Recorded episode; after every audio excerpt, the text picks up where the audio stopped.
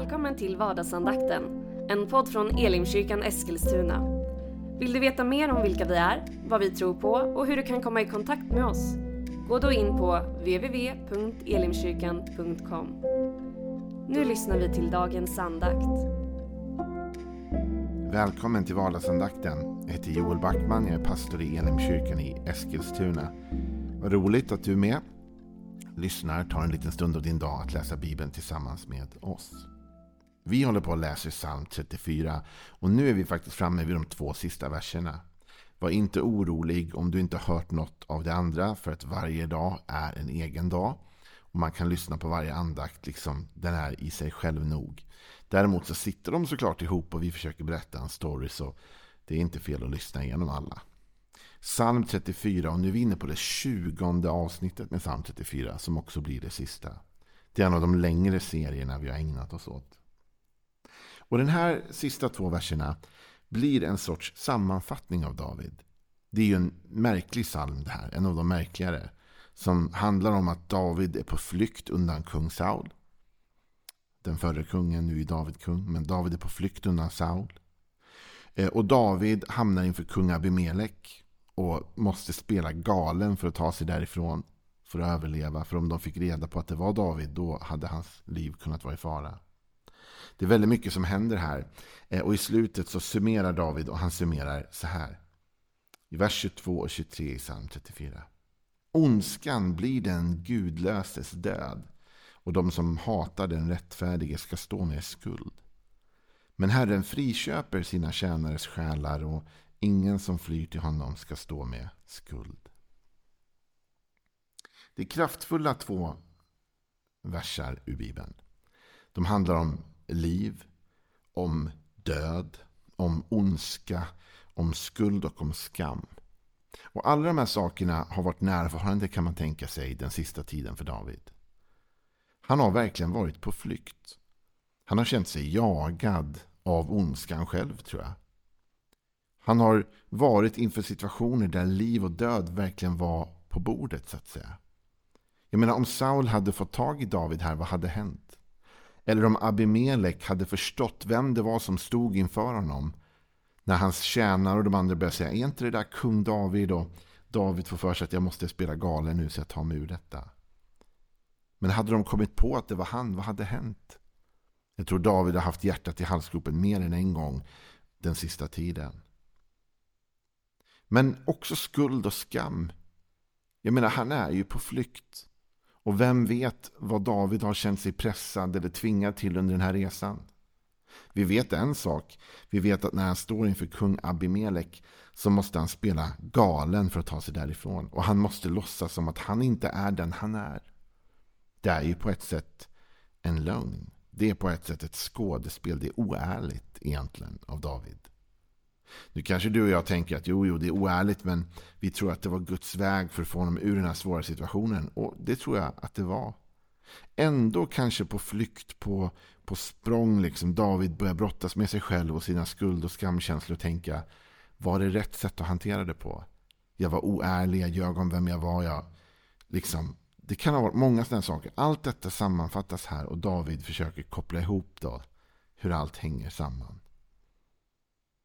För det första talet om ondskan och den gudlöses död. Ondskan blir den gudlöses död, säger David. Han har känt sig jagad av ondskan själv. I form av såklart människors ageranden och beteenden. David säger ingenting om demoner eller onda krafter här som har jagat honom. Men ändå så har han varit just det, jagad. Och han upplever att denna jakt är driven av av ondskan själv. Även om den tar sig uttryck i människors ageranden. I Sauls agerande. I Abimeleks agerande.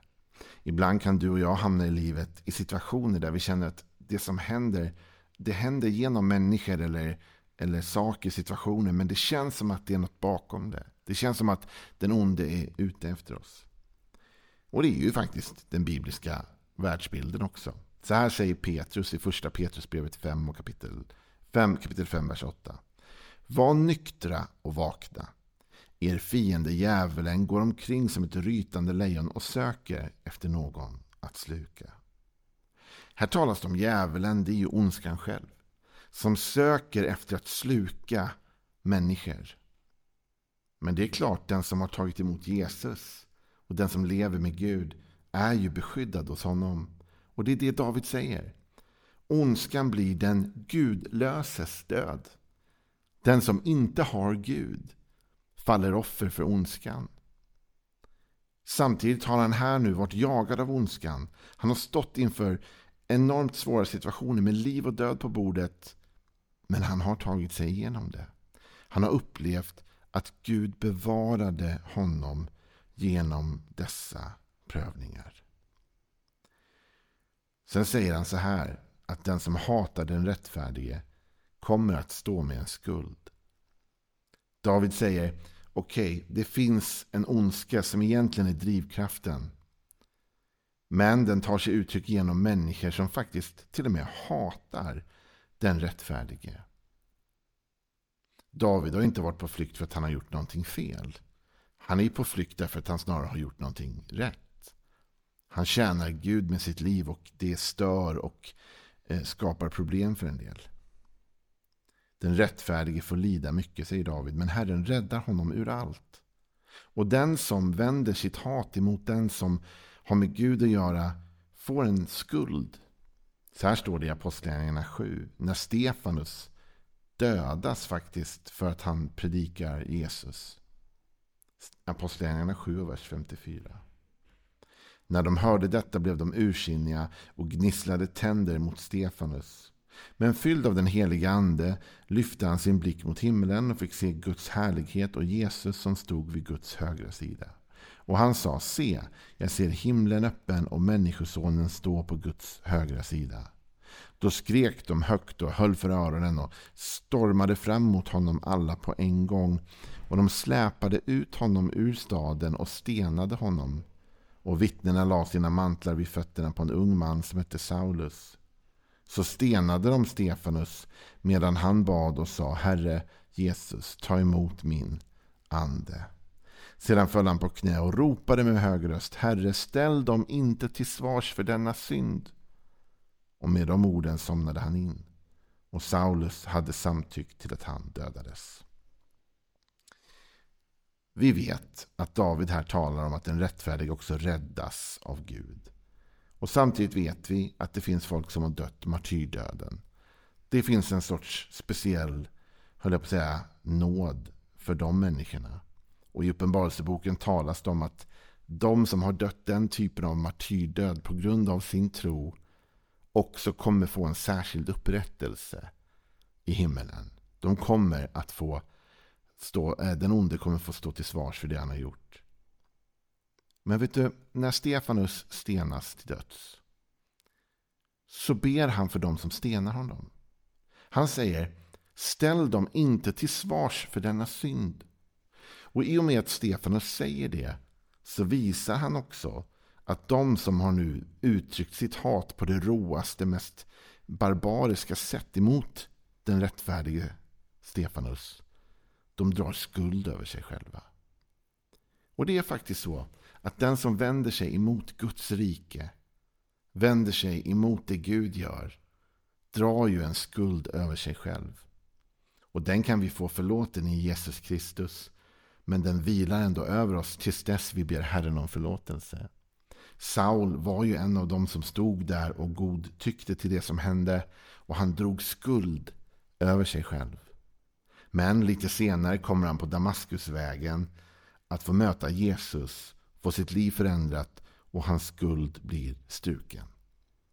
Ändå är det viktigt att förstå detta. Man kan inte latcha med det som har med Gud att göra. Vi kan inte säga vad vi vill, göra vad vi vill vad det gäller det som är heligt. Vad det gäller det som har med Gud att göra. Utan David säger i psalm 34, och det är alldeles sant. Den som hatar den rättfärdige ska stå med skuld. Det är också Davids sätt att hantera allt det han har varit med om.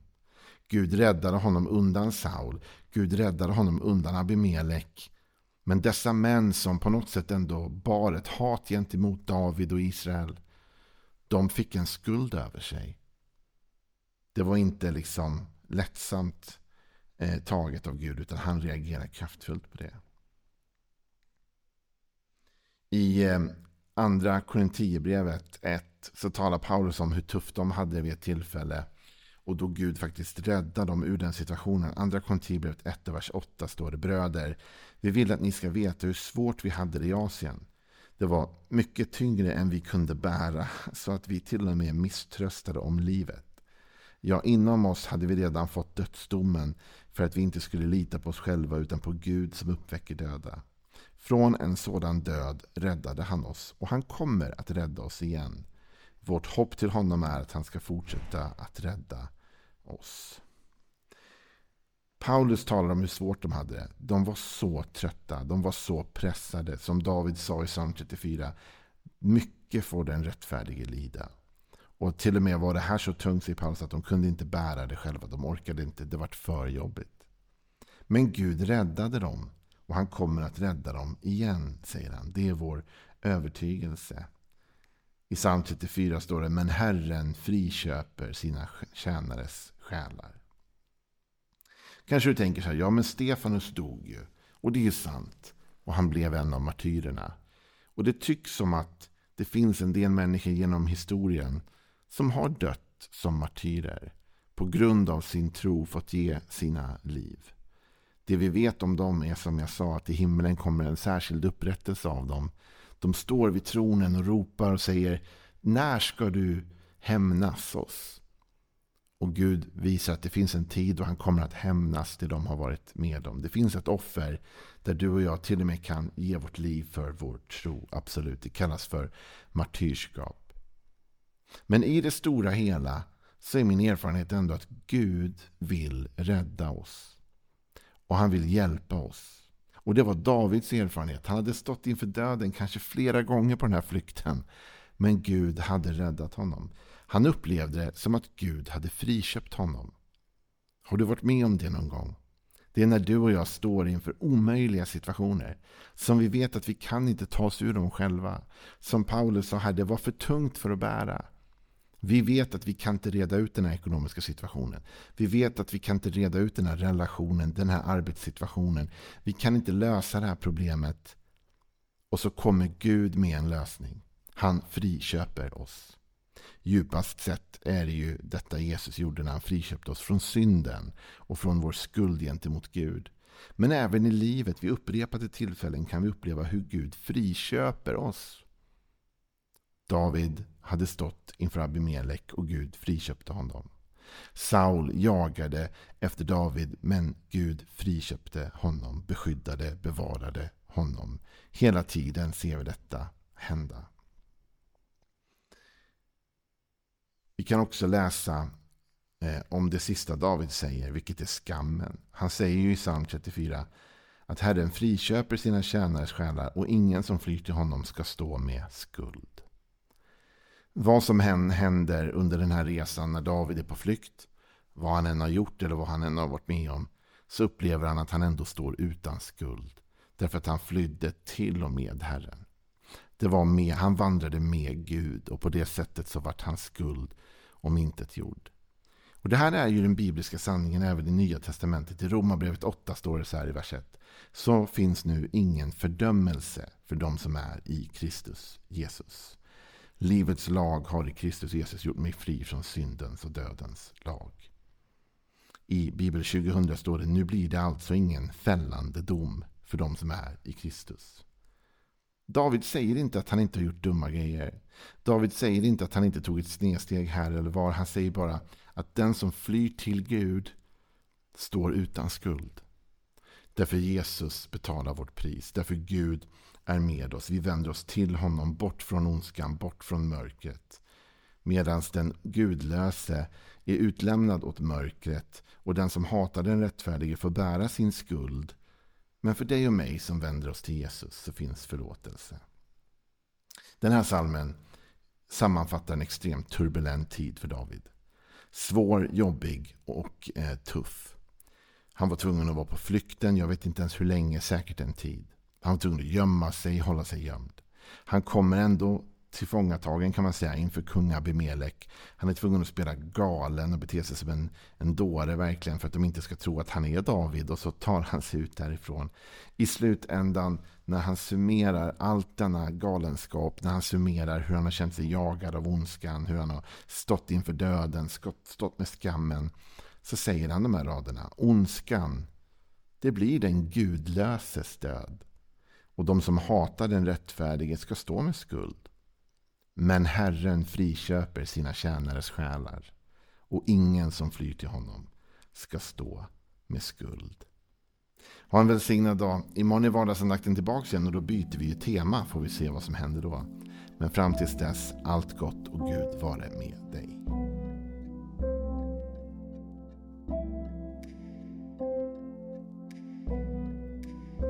Du har nu lyssnat till vardagsandakten från Elimkyrkan Eskilstuna. Du har väl inte missat att vi finns på sociala medier? Eller att vi varje söndag firar gudstjänst? Hoppas att vi ses där.